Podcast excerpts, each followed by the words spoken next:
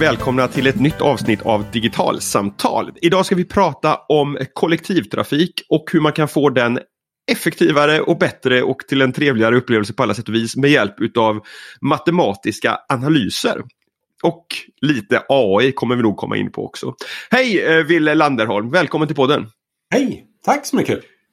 Du är um, utvecklare skulle jag vilja kalla det för, men du kommer få utveckla det eh, begreppet alldeles strax på ett bolag som heter Commuter Computing, men som framförallt är känd för en, en lösning, en tjänst som heter Train Brain.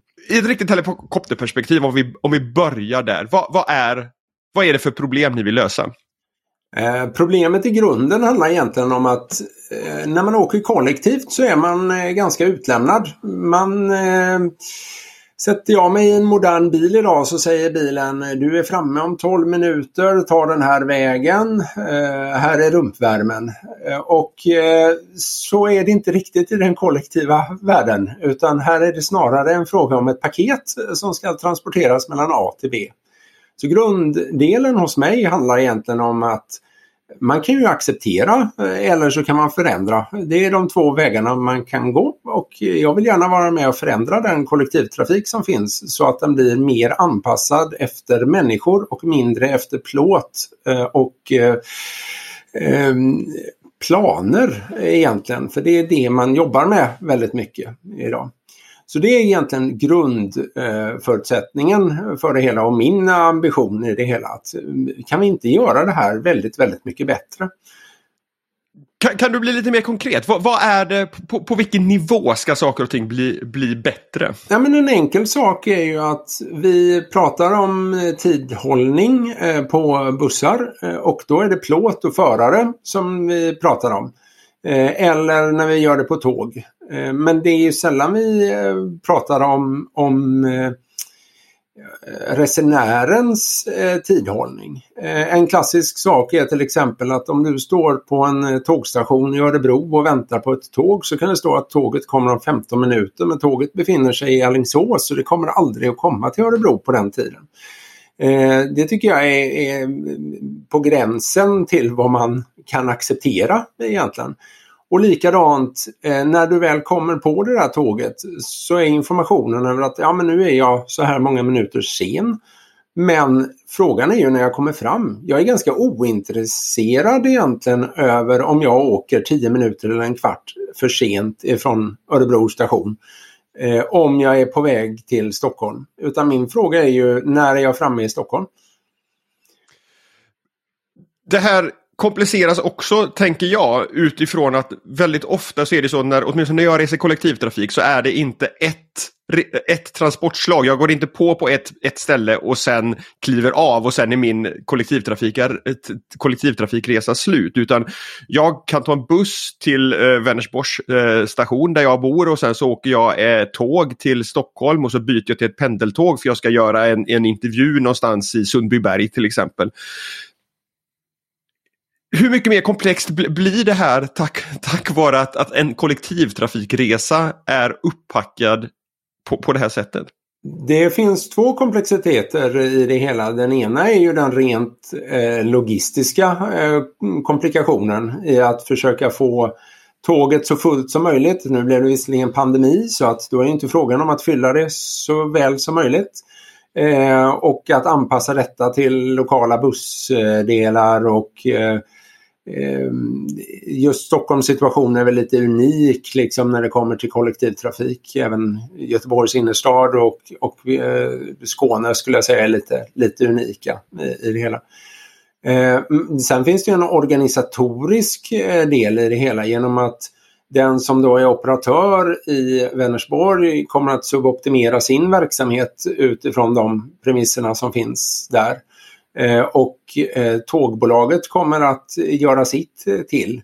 Vilket gör att det finns, det finns ganska många sådana här i Sverige där vi ser Tåget ankommer 06.05 men bussen till Lindesberg går 05.55 det möjliggör ju inte kollektivtrafiken som ett alternativ. Om du nu ska stå och frysa i Örebro eller i Arboga eller i Västerås i 42 minuter.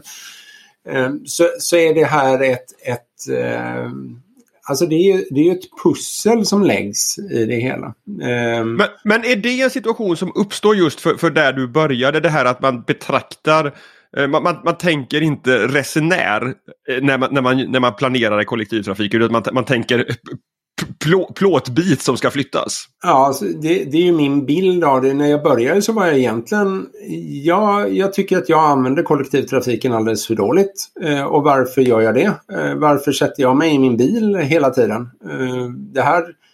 I min värld så är det jättehippt och ballt att prata om att man ska utveckla självkörande fordon. Eh, men bussen är ju mer eller mindre självkörande redan så att säga. Och ett fantastiskt verktyg för effektiva resor framförallt i städer. Men likt förbaskat, jag bor ju i Stockholm, eh, är göteborgare i grund och gaisare i själ och hjärta. Liksom. Men, men eh, det, det, fungerar ju inte riktigt så bra som det borde göra vilket gör att även kortare resor i stan kan ju vara fördelaktigt att åka med bil även i, även i en stad som Stockholm. Liksom. Och det tycker jag är, det, det är egentligen det som var mitt, min början i det hela. Kan vi inte göra det här lite bättre? Och det finns massvis med områden som jag ser att man behöver förbättra på det men där jag inte kan vara behjälplig. Men när det kommer till till exempel tidhållning, eh, skattning av antalet passagerare ombord. Eh, den här, det här pusslet som sker eh, i det hela. Men då kommer vi in på det som jag skojade lite om i början här Ville, där, där jag eh, valde att kalla det för utvecklare först och när vi pratade om det lite grann innan så, så sa du att ja, utvecklare är ett sätt att se det på, men och så tog du över. Ja, alltså utvecklare, andra får ju sätta epitet på en, eh, tänker jag. Jag brukar ju skämtsamt säga att men jag är mattenörd. Det är vad jag, vad jag är. Um, och idag så finns det ju mängder med fina titlar uh, på det här och det finns buzzwords i formen av big data och AI och um, predictive analytics och allt möjligt tänkbart. Eh, när jag började fanns inte det riktigt de här eh, ordvalen. Um, men jag kommer så väl, Data Scientist är ju en titel eh, som man brukar sätta på mig. Eh, samtidigt som att jag kommer ihåg de första gången jag träffade två stycken data scientists eh, och de var ju mer eller mindre gudar. Liksom. De hade obegränsade resurser, de hade två stycken doktorsexamen och de var väldigt, väldigt högt upp i organisationer. Um, och idag så är Data Scientist på något sätt någon arbetstitel. Det kan betyda allt och inget uh, i det hela. Uh, själv brukar jag ibland använda mig av Steven Baker som skrev ganska mycket om det jobb som jag var med och gjorde väldigt tidigt. Um, journalist uh, i USA. Han kallar det här för numerati. De här människorna. Och det är någonstans är kanske en bra finare titel för en mattenörd egentligen. Mm. Men vad jag jobbar med är ju utveckling. Så är det. Ja, för, för, för det, det, det handlar om här egentligen det är ju att, att det här problemet som vi pratar om som, som, som finns i kollektivtrafiken.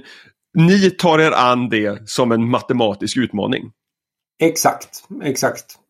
Så är, så är ju min, min drillning och vi, vad vi gör är egentligen att vi försöker utnyttja den data som, som genereras runt kollektivtrafiken för att på så sätt kunna göra den bättre och smartare.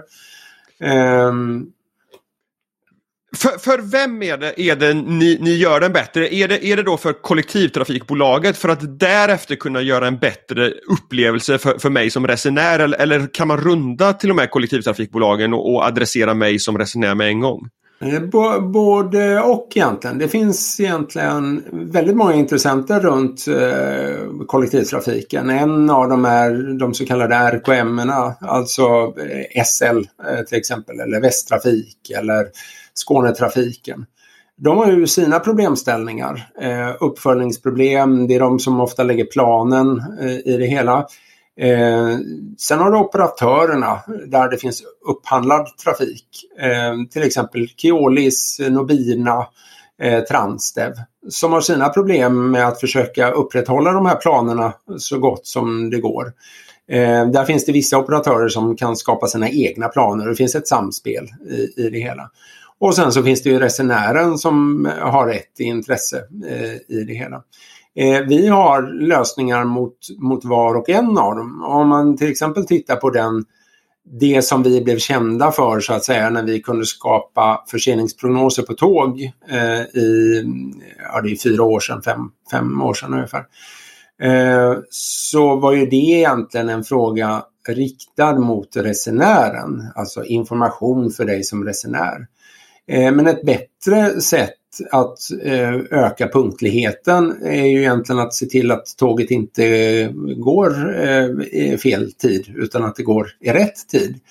Och där kommer ju också då frågan, men vad är rätt tid eh, i, i de här delarna? Ehm, vi kan ju se bussar till exempel som går klockan 7 på morgonen, 7.15 och 7.30 där 7.15 bussen nästan till är tom därför att det är inte där vi åker utan vi åker antingen 7 eller 7.30 eller och sen så kommer skolorna och så kommer förskolorna och då kommer alla människor eh, ut på det hela. Eh, och det kanske är bättre att kraftsamla i det läget eh, på, på olika ställen. Men där börjar du närma dig, för du, för du säger att, att ni jobbar med att analysera den data som finns tillgänglig i ett kollektivtrafiksystem för att, för att göra den här typen av analyser för att sen kunna, kunna planera och eh, kollektivtrafiken på ett bättre sätt. Och så börjar du nu prata om att, att tidpunkten för avgångarna är en sån datapunkt. Antalet resenärer på en i en specifik plåtlåda är en annan datapunkt. Vilka andra typer av indata jobbar ni med? Ja, det, det är ju det som är intressant i vår värld egentligen. Över att vi, vi jobbar med väldigt lite indata. Vår, vår stora fördel det är att vi utnyttjar hur systemet fungerar just nu för att kunna förutsäga vad som kommer att hända. Får jag pausa eh, där? Ja. När du säger systemet, vad, vad, vad, är systemet i det här fallet? Systemet är plåtlådorna, busschaufförer och tidhållning egentligen. Inte eh, hållplatser och resenärer? Nej, hållplatser och resenärer är ju en följd av någonting så att säga. Okay. Utan vi, eh, Eh, men det är klart, alltså en klassisk del och det har vi alla upplevt. Eh, det kommer en buss, den är jättefull. Vi klämmer oss på på bussen och bakom oss så kör det en annan buss efter två minuter. Eh, det är en typisk sån del där positionen av bussen är väldigt avgörande för oss. Eh, därför att vi, vi vet ju inte om att det kommer en buss om två minuter eller vi orkar inte stå och vänta längre. Det duggregnar lite grann. Och den här stackars busschauffören som då kanske redan är sen, han blir ännu mer sen. För den stora faktorn när det kommer till bussar, det är om de ska stanna eller inte. Och då, där finns ju ytterligare en sån sak där vi kan se hur data ibland misstolkas det är att man säger ja men bussen stod bara still i eh, 52 sekunder på hållplatsen. Det blir ju inte så mycket. Men det är ju inte så att bussen åker in på hållplatsen tvärnitade från 50 km i timmen och eh, står still och sen accelererar upp på 0 sekunder till, till 50 km i timmen. Eh, det, det, det är en, det, och hastigheter är inte linjära i grunden vilket gör att inbromsningen, eh, stoppet och att komma upp i hastighet igen kanske är tre, tre minuter. Och har du då 20 stycken hållplatser på en väg i en, i en storstadsdel då gäller det att det här finns med och det är klart har det då inte gått en buss tidigare, ja då ökar sannolikheten på att, att eh, buss nummer två kommer att stanna i det hela. Men relativt lite indata säger du att, att ni jobbar med då? Ja, eh, sen mm. har vi ju då en klassisk fråga är ju då väder eh, till exempel. Eh, och väder är en väldigt bra förklarande variabel om vi går baklänges. Alltså varför blev det kaos i Stockholmstrafiken eller Göteborgstrafiken eller Malmötrafiken just idag? Jo, det var för att det var snöstorm liksom i det hela. Men det inte, betyder inte att varje gång det blir snöstorm att det blir kaos i trafiken. Utan det är ofta den första mm, gången. Och då är våra modeller ganska dåliga måste jag säga. Eh, därför att då avviker vi så kraftigt ifrån de planer eller det som finns utan det blir ad hoc verksamhet eh, där ute. Eh, och då finns det inga mönster i, i de här eh, systemen. Men när vi väl har börjat ha lite eh, Eh, trafik i vinterväglag till exempel. Då skapas det ganska snabbt nya mönster. Men den där första dagen, den där dagen vi alla önskar att det fanns en lösning, då är det snarare good luck out there. Liksom. Det, är, det är någonting annat eh, i det hela. Men det skapas ganska enkelt eh, systematiska mönster runt eh, kollektivtrafiken. Eh, gör det. Och det är ju de vi försöker fånga upp och eh, använda oss av för att skatta passagerare, restider, omloppsbanor.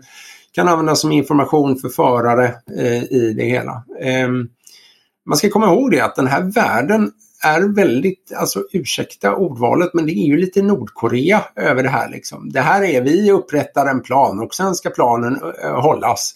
Och, och planen är viktigast eh, i det hela. Men, men är planen i det här fallet, är det tidtabellen vi pratar om eller pratar du om en Det- annan plan? Nej, det är tidtabell. Det är tidtabellen, ja, okej. Precis. Eh, för att, Och- alltså så här, om, jag, om jag ska rulla tillbaka då till, till, till, min barndom uppe i norra Bohuslän. eh, Där fick man ju då Västtrafiks eh, tidtabell tryckt två gånger om året. Och det var den tidtabellen som, som gällde.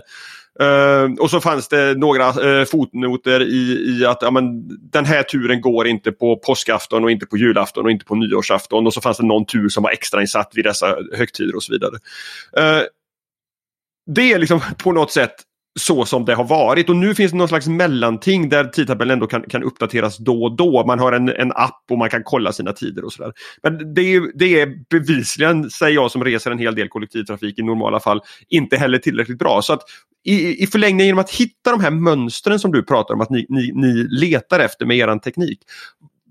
Vad, vad kommer vara den stora skillnaden i, i den liksom så här, kollektivtrafiksupplevelsen för mig som resenär? Den, det finns två delar egentligen. Eh, det, det, den ena delen är att vi kan e, e, ge dig som resenär en information om när bussen eller tåget de facto går e, i det hela. Det är en ganska stor avvikelse i systemet. Ehm, kommer den här bussen att gå överhuvudtaget? Pendeltåget, eh, kommer pendeltåget? Behöver jag springa till pendeltåget? Eh, eller kommer jag att, eh, kan jag lunka i långsam takt? Liksom? Det är en del. Den andra delen är att vi kan skapa optimerade system. Därför att idag så bygger kollektivtrafiksnätet på en fyllnadsgradstanke och en arbetstid och en buss. Det är egentligen det som man är ute efter. Vilket gör att väldigt stor del av den här kollektivtrafiken bygger på att vi är ute och åker sightseeing runt omkring eh, i väldigt stora delar. Väldigt många busslinjer är övertäck, eh, alltså täcker varandra och vi vill ju ha alla bussar på samma ställe. Så att eh, om jag går ut och ställer mig här utanför då har jag fyra busslinjer eh, utanför mig. Eh, men de kommer med fem eller sex minuters mellanrum eh, allihopa. Och sen så får jag stå där och vänta ungefär i 25 minuter till nästa eh, gäng av bussar kommer. Det är ju ett ganska stort resursslöseri när vi tittar på hur resenärslösningen ser ut. Eh, om jag har fem bussar så borde ju de gå med fem minuters mellanrum men så funkar det ju inte eftersom vi vill ha alla bussar just vid Danderyds sjukhus eh, i det här fallet. Då, liksom. eh, Men det betyder att vi egentligen kan bygga om omloppsbanor eh, för, för de här bussarna. Men vi kan också lägga nya sträckningar. Vad är det mest optimala sättet att ta sig runt i en stad? Och då måste vi släppa lite grann på tanken över att vi ska optimera plåten och föraren. Utan vi finns ju till för dig som resenär i det hela. Eh, och vi kan också skapa mycket mer robusta tidplaner. Vi pratade lite grann om det här med snöstormen eh, förut. Och det är egentligen inte snön som skapar problemet utan det är att vi avviker för mycket från de tidplaner som existerar. Och det Därför att då blir det en fortplantning i systemet. Precis. Det gör att när busschauffören kommer till Kista så har han 48 minuter tillbaka till Danderyds sjukhus och eh, nu var det lite snö och lite del så nu är det 40 minuter eller 42 minuter. Och då har han 40 minuters arbetstid kvar. Han står i Kista men han kan inte sätta sig på bussen som ska gå tillbaka för det är ju alldeles för lång tid.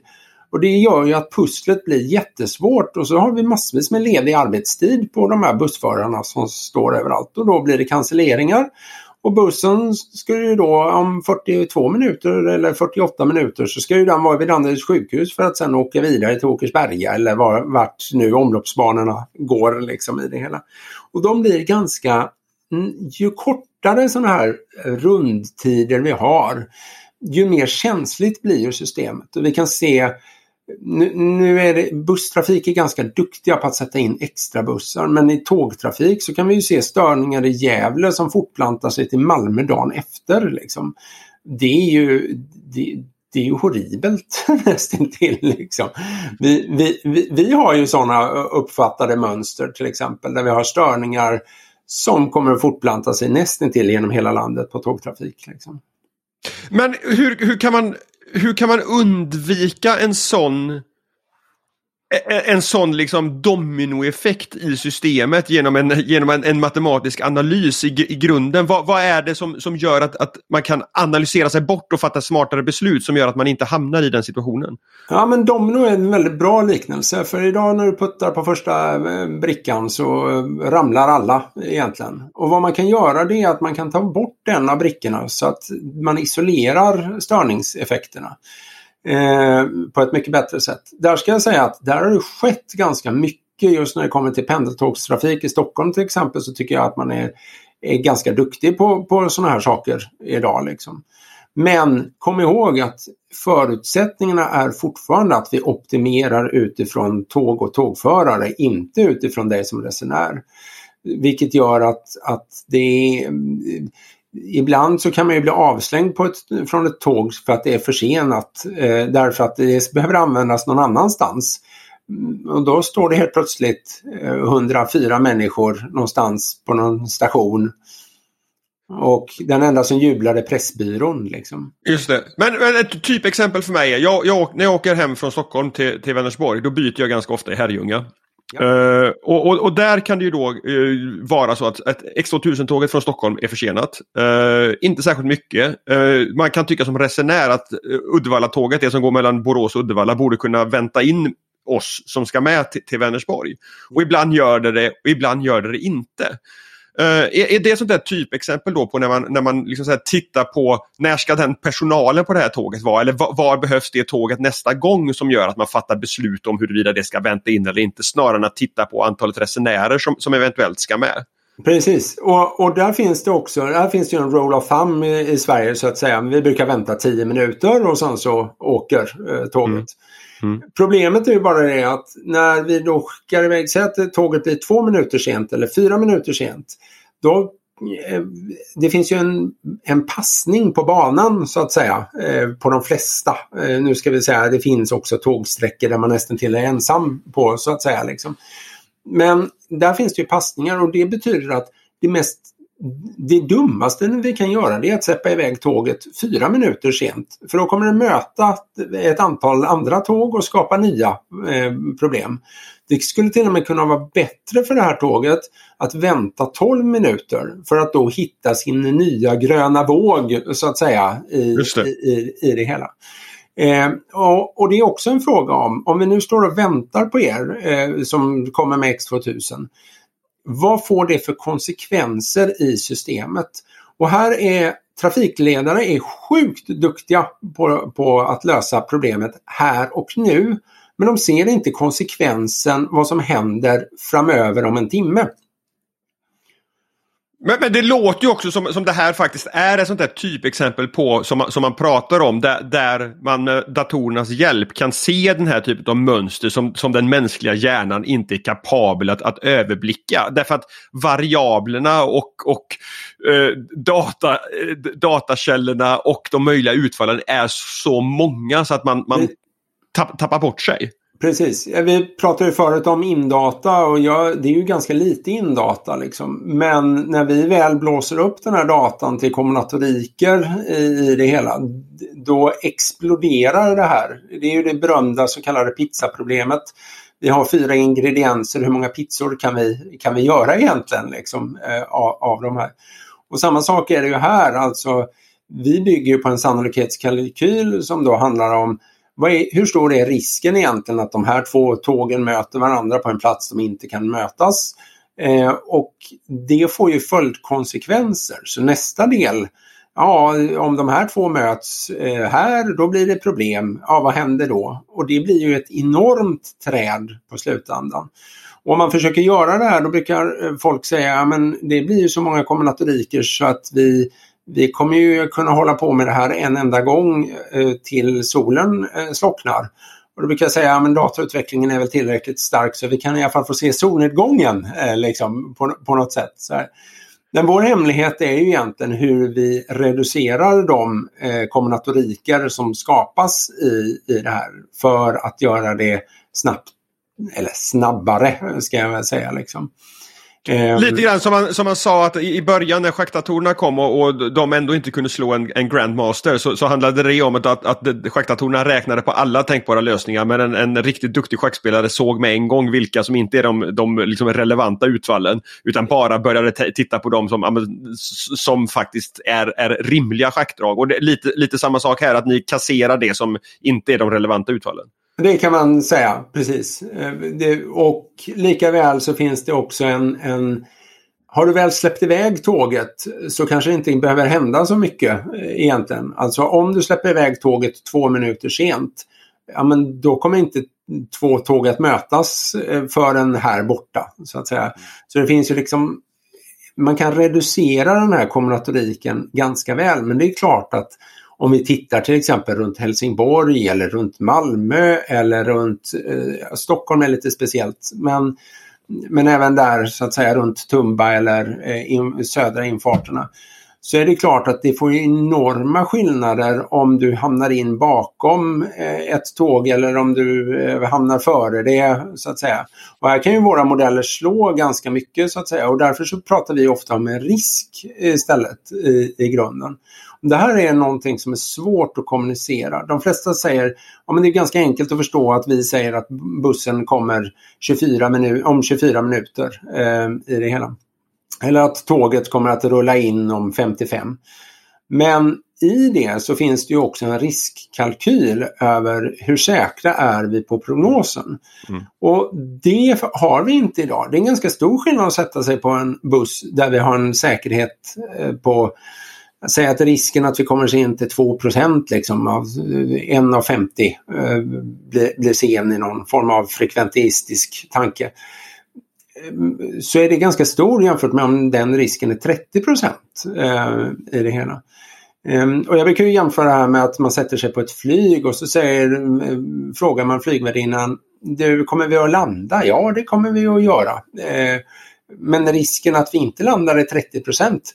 Alltså jag vill ju inte flyga med det flyget överhuvudtaget. Här kan vi också styra eller nudga eh, resenären så att säga. Hur säker om jag har ett möte klockan 10, kan jag åka så att jag är framme 09.58 eh, med min buss? Eller behöver jag ta en tidigare buss i det hela? Eh, när det kommer till pendeltåg, eh, alltså mitt dagliga resande, så kanske frågan är, behöver jag springa till bussen eller behöver jag gå till bussen? Hur ser det ut bakom? Vad finns det för risker eh, jag tar egentligen? Eh, tittar man på vanlig trafik istället, nu, nu bygger ju vår modell på att vi har en, en eh, tidtabellstanke i, i grunden. Men om man tittar på vanlig trafik. Om jag åker klockan åtta på morgonen i Stockholm tar det en timme in. Åker jag klockan nio så tar det en halvtimme in. Eh, vad, alltså, var någonstans finns min brytpunkt för mitt optima så att säga liksom, i, i det hela. Sen ska man komma ihåg det att åker man klockan nio finns det inga parkeringsplatser så då ägnar du en halvtimme till att leta parkeringsplatser i stan. det kanske är snarare en fråga om att åka en halvtimme tidigare då. men, men eh, det, det du beskriver nu är de modellerna som ni utvecklar eh, för att förstå det här, de här eh, kollektivtrafikrörelserna, de här, de här fordonens eh, förflyttningar i, i systemet. Ja. Eh, när ni har skapat den förståelsen, med de här modellerna. Hur, hur tillämpas de? An, används det här liksom som, som man ibland hör när det gäller den här typen av analysverktyg, att det här blir ett, ett, ett nytt verktyg som eh, trafikplanerarna, trafikledarna använder för att fatta sina beslut? Eller blir det här någonting som kommer gå in och, och fatta beslut istället för människor?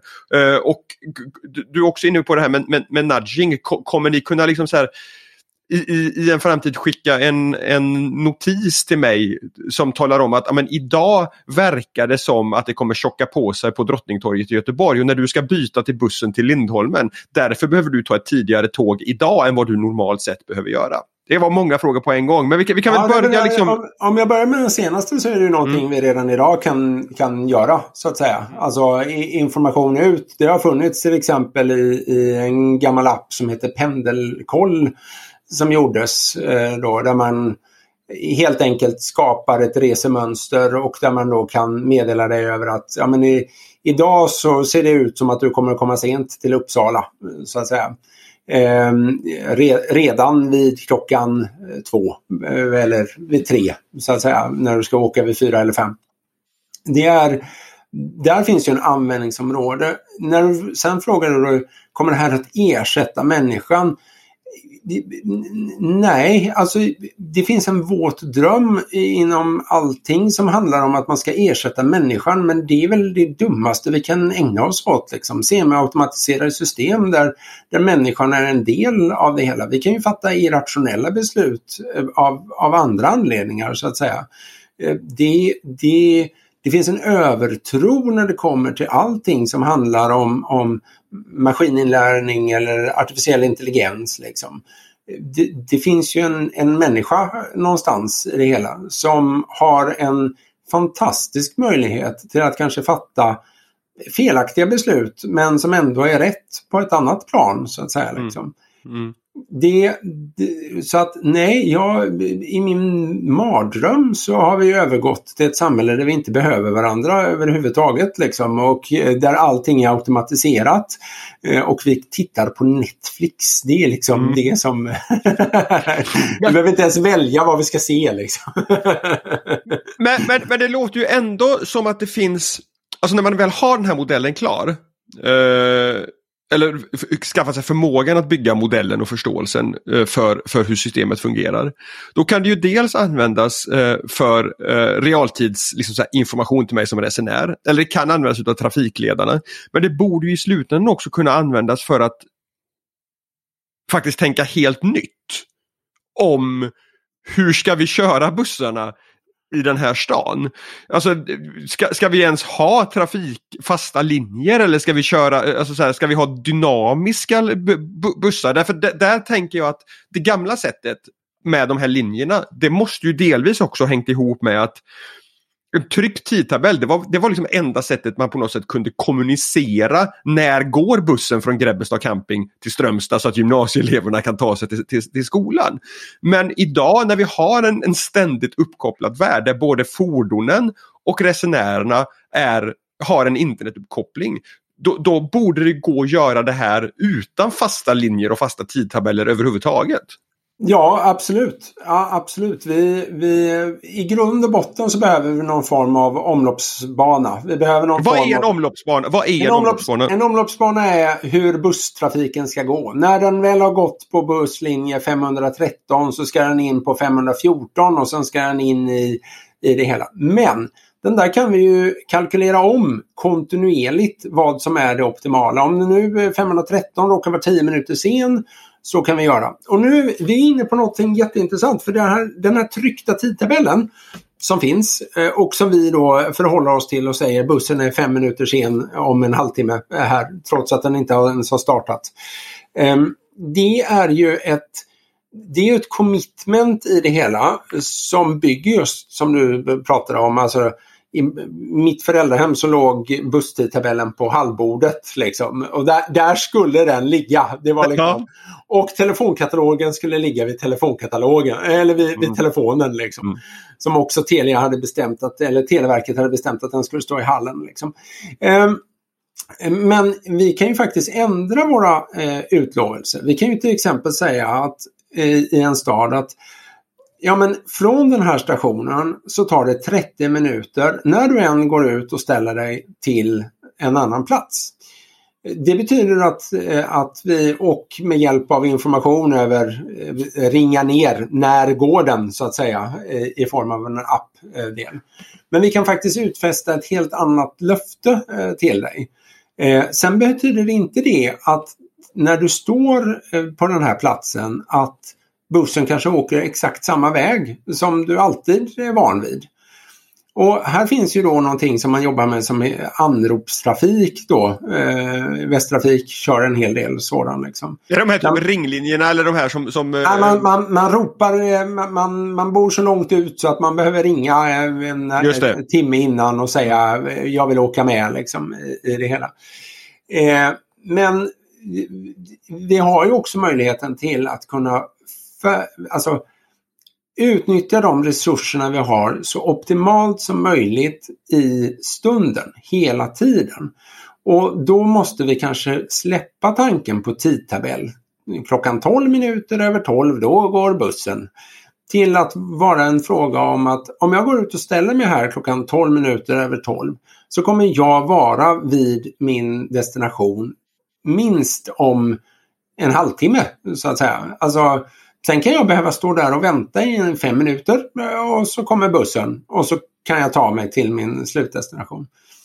Här, alltså, problemet med bussen är ju liksom att den, eh, den är ju varken snabb eller bekväm eh, idag. Liksom. Det, det, är ju ingenting av det hela och så ger vi oss ut på den här sightseeingturen eh, där vi får se halva Danderyd för att ta oss någonstans. Liksom. Och har jag bråttom kliver jag av och går. Eh, I Göteborg är väl det ännu mer extremt. Liksom. Där har man bråttom så går man. Liksom. Så var det under hela min uppväxt. liksom. men, men, Känner men, jag, det från studietiden i Göteborg. Men, men, men, har jag tid på mig, ja men då, då kan jag ta vagnen. Liksom. Så att, det, det, det, det, självklart skapar det här oerhört nya förutsättningar och då ska man komma ihåg att vi också lever med en oerhört konservativ bransch i, i den här delen. Där just de här planerna är heliga och där den nordkoreanska statens tänkande över att upprätthålla planen är det viktigaste av allt. Liksom. Samtidigt som att verkligheten hela tiden slår oss i ansiktet som en eh, karneval i Rio. Liksom. Det... Men, men det, det, du skissar på då, liksom, eh, eh, du, du, säger att man går ut och ställer sig på den hållplatsen man brukar kliva, kliva på bussen på på morgonen när man ska ta, ta sig till jobbet. Och så, och så har du, löftet är liksom från, från kollektivtrafiken är inte vilken ungefär vilken tid bussen ska gå och vilken rutt den ska ta. Utan att ställer du dig här så kommer du vara framme inom en halvtimme. Och, och, och, och sen kommer det vara dynamiskt.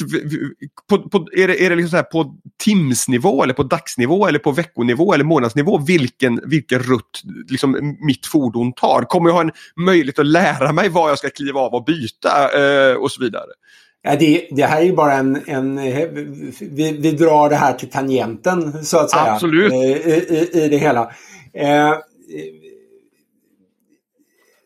alltså, ja, det kommer det att göra. Det kommer att finnas optimala vägar i olika förutsättningar så att säga. Vi, alla vägar bär till Rom sägs det, men det är ju inte så att vi har hur många kombinatoriker som helst att, att färda oss på ifrån din plats till en annan. Men i, i stunder av störning eller i stunder av, eh, det behöver inte ens vara störningsdel så att säga, så kan det ju finnas andra resvägar som är mycket mer optimala för oss. Problemet idag är att vi bygger kollektivtrafiksnät utifrån en stjärnproblematik. Liksom. Eh, alla bussar ska befinna sig på Nisseplatsen samtidigt. Alla bussar ska befinna sig på Gullmarsplan samtidigt. Därför att det blir ju så himla bekvämt när alla plåtlådorna står där samtidigt och alla förarna finns där samtidigt. Då kan vi ju dela ut de här plåtlådorna på bästa sätt. Liksom. Men som resenär är det ju ganska eh, ointressant. Alltså, det är ju snarare en fråga om en rörlighet i en stad. Och i vissa lägen så kan ju min väg ifrån Gullmarsplan till eh, Norrmalmstorg kanske utgöra att jag åker tunnelbana. I andra lägen kan det vara att jag åker buss. Eh, men det är, frågan är ju vad som är optimalt för dig just nu. Det är klart att när vi inte hade de här kommunikationsmedlen som vi har idag då var tidtabellen ett fantastiskt verktyg eh, för oss i, i det hela. Men idag har du en möjlighet till att kunna få en rutt i sekunden. Jag står här och nu. Vad är min mest optimala del? Ja, din mest optimala del det är att du faktiskt går ifrån Gullmarsplan över bron och sen tar du tunnelbanan eller vad, vad som helst. Liksom. Det kanske var dumt eftersom tunnelbanan går där också. Men, men då tar du, tar, tar du bussen eh, runt på Söder och sen... Det här skapar ju så enormt många fler resvägar för oss. Men vi i Sverige bygger ju på ett stjärnsystem mm. där vi inte passar allting. Jämför det med, ta en, ta en karta över kollektivtrafiken. Nu ska vi inte jämföra Stockholm med London direkt. Det är en viss annan förutsättning på det hela. Men om du tittar på hur, hur många kombinatoriker, hur många olika vägar kan du ta dig från en plats till en annan i London jämfört med i Stockholm så kommer du upptäcka att i Stockholm, ja där ska vi åka genom eh, centralstationen. Eh, det är liksom, och så kommer Jernhusen och skickar ut en rapport och skriver att titta vad, vi, en, vi gick upp 12% med resenärer till, till centralstationen. Tjoho, alla ska till centralstationen. Nej, men det är ju ingen som är intresserad av det. Det är ju fyra människor som ska till centralstationen. Eh, det är liksom, det är, alla andra ska ju någon annanstans. Liksom. Och, och, här har vi verkligen en enorm möjlighet med att i realtid kunna bygga nya resvägar. Och med realtid betyder det inte att busschauffören får ett kommando som säger ta vänster nu utan vi har liksom någon form av framförhållning i, i, i det hela. Um, och, och och på det stora hela i det läget optimera. Problemet är att ja, för 2 till 5 av människorna så kanske det kan bli lite sämre. Du behöver åka tillbaka någonstans och så vidare. Och de människorna har alltid haft tolkningsföreträde. Varje gång du tar bort en linje och ersätter den med någonting annat, ja då blir det ett ramaskri och så kommer politikerna att ramla in och säga nej, nej, nej, så här kan vi inte ha det. Mm, bussen måste gå även förbi eh, här. Liksom. Men det, men, men det är ju bara av historiskt hävd som den har gjort det. Men, men det som du kommer in på nu får, mig att, att, fundera på en annan sak. För det, det, pratas ju mycket om både hur självkörande fordon, bilar till exempel, kan, kan vara liksom en del i ett mycket större eh, kommunikationssystem eller självkörande små bussar som vi ser testas i Kista och på Lindholmen i Göteborg. Eh, de, de förhatliga elsparkcyklarna pratas ju också ibland om som att de kan vara en del i ett, i ett totalt kommunikationssystem på ett helt annat sätt. För det, för det som vi har pratat om nu det är eh, liksom matematiska analyser utav det som vi normalt sett tänker på som kollektivtrafik, det vill säga bussar och tåg. Men hur mycket eff mer effektivt skulle liksom ett, ett sånt här matematiskt uträknat kollektivtrafiksystem bli om vi också slänger in ett antal nya olika liksom så här typer av fordon i, i, i mixen. Just för att kanske adressera de här som då kom, kommer uppleva att ja, men, nu blev min linje indragen. Ja fast vi kommer ersätta den med en, en on demand-tjänst de gångerna som du faktiskt behöver åka här i form av en självkörande minibuss till exempel. Mm. Ja, men, så, så det, här, här skapas det ju jättemycket. Jag är ju ingen stor fan av, de, av de här sparkcyklarna heller så att säga liksom, i det hela. Eh, men det är klart att de ökar rangen ifrån din gångdel. Alltså hur långt eh, jag ser dem inte som en konkurrent till ett kollektivtrafiksystem. De ser, jag ser dem som en konkurrent till gåendet men det korta gåendetiden eh, i, det hela. Problemet idag är ju att vi har ett så fast nät som möjliggör att du, du du säger att om du ska åka från en hållplats till exempel. Ja, då blir det den hållplatsen som vi ingår i. Men det är ingen som tänker att vi kanske kan gå en bit. Eh, Likaväl som att varje gång vi pratar kollektivtrafik så är, är fienden bilen. Eh, liksom. Och ja, jag ser gärna att vi minskar biltrafikåkandet, liksom, framförallt i storstäderna. Men bilen kan ju vara en del av lösningen i mm. det hela. Mm. Men så funkar det ju inte idag. Vi, vi, vi ska ju ersätta hela resan av, av de här delarna. Vi, och det, vi kan dela upp resan på miljarders sätt. Problemet är ju att man ofta då säger ja men folk vill inte eh, byta. Eh, det är inte intressant. Nej, det tror fasen att de inte vill byta när bytet betyder att vi ska stå i en busskur i Kode i 42 minuter för att vänta på nästa buss. Liksom. Ja, men det, det är ju inte... Vi behöver ju ett system som möjliggör att vi får upp rörligheten i staden så mycket som möjligt. Där kollektivtrafiken är den absolut bästa formen av lösning som finns. Mm. Och det betyder att vi, vi måste kanske släppa på tanken över tidtabell och rutt i, i vissa delar. Liksom. Och snarare kunna utfästa löften eh, till dig som, som resenär istället. För det skulle möjliggöra, det ger oss enormt mycket eh, frihetsgrader istället. Vem är det som har bestämt att 12 och 12 är den absolut optimala bussen för, för ja det är fyra människor som ska åka med. Liksom. Ja men de åker ju där därför att bussen går 12 och 12. Liksom. Ja, det, det, är inte säkert att det är optimalt. Vart ska de? Var, var, när ska de vara framme? Eh, egentligen. Så att det, det, det möjliggör ganska mycket. Nu, nu pratar ju vi liksom, som, som jag sa förut, lite grann i tangentens riktning så att säga. Liksom, vad, vad, vad ser vi för, för möjligheter med det här? Eh, men jag ser ju möjligheterna här och nu idag. Liksom. Jag ser ju dem i formen av att du får en bättre information, i formen av att trafikledaren eh, får ett bättre beslutsunderlag att kunna fatta beslut på. Och jag ser också en möjlighet till att kunna skapa, även om vi pratar tidtabeller, bättre tidtabellsdelar. Eh, där, vi, där vi faktiskt kopplar in den här informationen. Problemet är att som i de flesta eh, organisationer så blir data någonting vi samlar på hög och så blir vi väldigt stolta över att datan är där här och nu. Liksom. Eh, och titta vad mycket data vi har. Men det är sällan, och det gäller inte kollektivtrafiken enkom. Liksom. Det här gäller alla organisationer. Man samlar data men det är oerhört få människor som gör någonting med den här datan. Liksom. Möjligtvis så kan man eh, få någon liten rapport någon gång ibland. Liksom. Och ibland så är det någon analytiker som har skrivit att det hade varit bra om vi gick till höger istället för till vänster den måndagen där. Eh, liksom. Men det är ju inte, vad ska jag göra? Jag kan ju inte backa bandet till den där måndagen och jag håller med analytikern. Det hade varit mycket bättre att ta en annan väg. Men här står vi, här just nu. Så hur kan vi utnyttja den dataström som vi de facto har för att kunna fatta bättre beslut här och nu? Liksom? Och för, jag, för så, ja, ja, förlåt. För, för, för, så låter det så som du beskriver det här att, att när man väl har de här modellerna för att göra den här typen av analyser, att det, det går uh, att, att börja tillämpa dem i flera steg. Det går att använda dem här och nu för att göra bättre Eh, trafikinformation till resenärerna eller, eller ge ett bättre beslutsunderlag. Men, men på sikt kan man ju också använda dem för att, för att faktiskt förändra precis där ute i tangentens riktning där, där vi var. Men, men det, det, det, det ham, man hamnar inte i ett antingen eller-läge här utan det, det, går att börja tillämpa kunskapen som en sån här analys bidrar med faktiskt ganska omgående egentligen.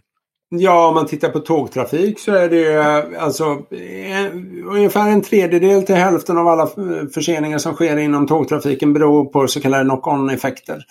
Eh, alltså ett annat tåg förorsakar försening på ett annat. Mm. Eh, och ja, det var ju inte tänkt att det skulle vara så. Det, det, det blev så. Det, det råkade bli så att det här pendeltåget eh, eh, körde före det andra. Liksom.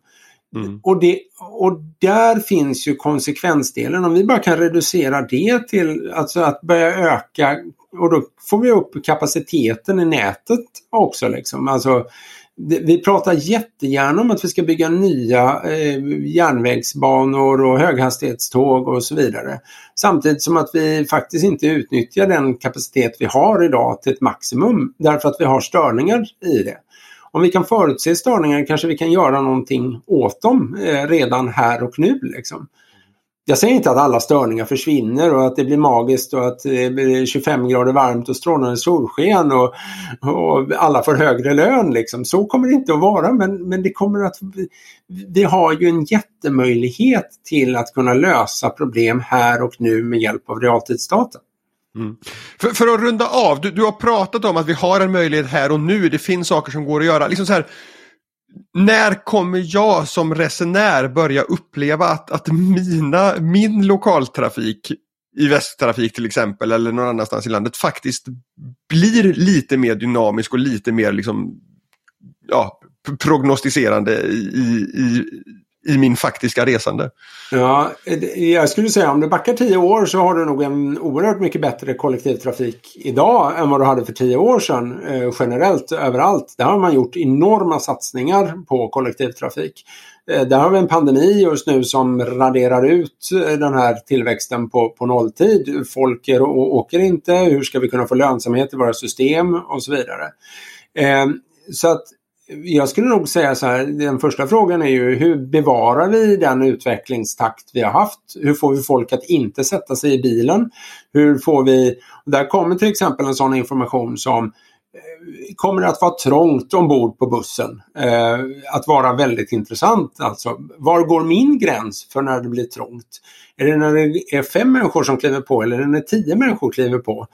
Eh, man pratar gärna ur, ur lösningshänseende. Ja, men bara resenären tog en annan buss. Ja, men i Stockholm då, det skulle det betyda att vi behöver flytta en resenär två och en halv timme i Södertälje för att få, få det här att gå ihop liksom på, på delarna. Så länge kan vi inte flytta.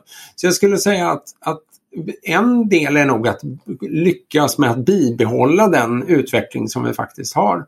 Sen är frågan också om du då kommer att uppleva någon form av, av förbättring eller om det bara är en fråga om att vi förflyttar våra, våra perspektiv på vad det här handlar om. Liksom. Alltså, du kan ju se på mobiltelefoninäten till exempel som mm. gjort miljardinvesteringar. Inte i katten är vi nöjdare med våra mobiltelefoner idag än vad vi var då. Men hade vi legat kvar på det som fanns då så hade våra förväntningar legat kvar där så att säga. Så jag tycker att vi, vi borde kunna skruva upp förväntningarna på kollektivtrafiken avsevärt. Och en del av det är till exempel att ge dig som resenär ett bättre beslutsunderlag för ditt resande. Eh, framförallt i händelse av störning men också i händelse av att att du faktiskt ska ut och åka och du åker. Vi liksom flockdjur på något sätt liksom och, och, och lever samma liv hela tiden. Så det är bara olika namn på, på eh, räkningarna som kommer hem till oss. Men vi åker liksom samtidigt och vi kommer alla och, och att då utnyttja våra resurser på ett bra sätt i de lägena är ju är ju A och O. Jag tycker inte man gör det idag. Eh, så att eh, på din fråga, kommer jag att uppleva någon förändring? Ja, vi kommer nog att se en successiv förändring på den här sidan och det kommer att ske utvecklingsdelar. Sen kommer vi nog kunna ha ett samtal om tio år om hur förkastlig den här kollektivtrafiken är ändå. Liksom, eh, så här. Men vi kommer att ha förflyttat våra positioner eh, i, i det hela. Och där tycker jag att det, där måste vi fortsätta just nu. Liksom. Vi, vi, har gjort en satsning, den har varit ganska dyr. Den har byggt på en gammal premiss när vi bygger tidtabeller och vi bygger Ehm, vi försöker lägga in fler omloppsbanor, då, alltså fler eh, rutter, fler, mer, mer plåt. Liksom. Och det är ett jättebra sätt att lösa det. Men det skulle vara mycket bättre om vi faktiskt började effektivisera våra, våra rutt, rutter i det hela. Liksom. Men, men det är det klassiska, liksom, att, att man, kan, man kan lösa problem genom att kasta mer resurser på dem eller se till att, att man kan utnyttja de resurserna man har på ett, på ett bättre sätt. Och tack vare att vi nu har de här möjligheterna att samla in data och, och analysera data så, så, ökar också möjligheten att faktiskt lösa problemet. Inte genom nödvändigtvis fler, fler bussar på, på Stockholms gator utan genom att se till att de bussarna som rullar gör det på ett smartare sätt. Ja men så är det. Så är det. Mm. Grymt intressant Ville. Eh, stort tack för att du var med i Digitalsamtal och pratade matematisk analys utav kollektivtrafik. Ja, men tack så mycket för att jag fick vara med. Och till er som har lyssnat, vi hörs igen snart. Hej så länge!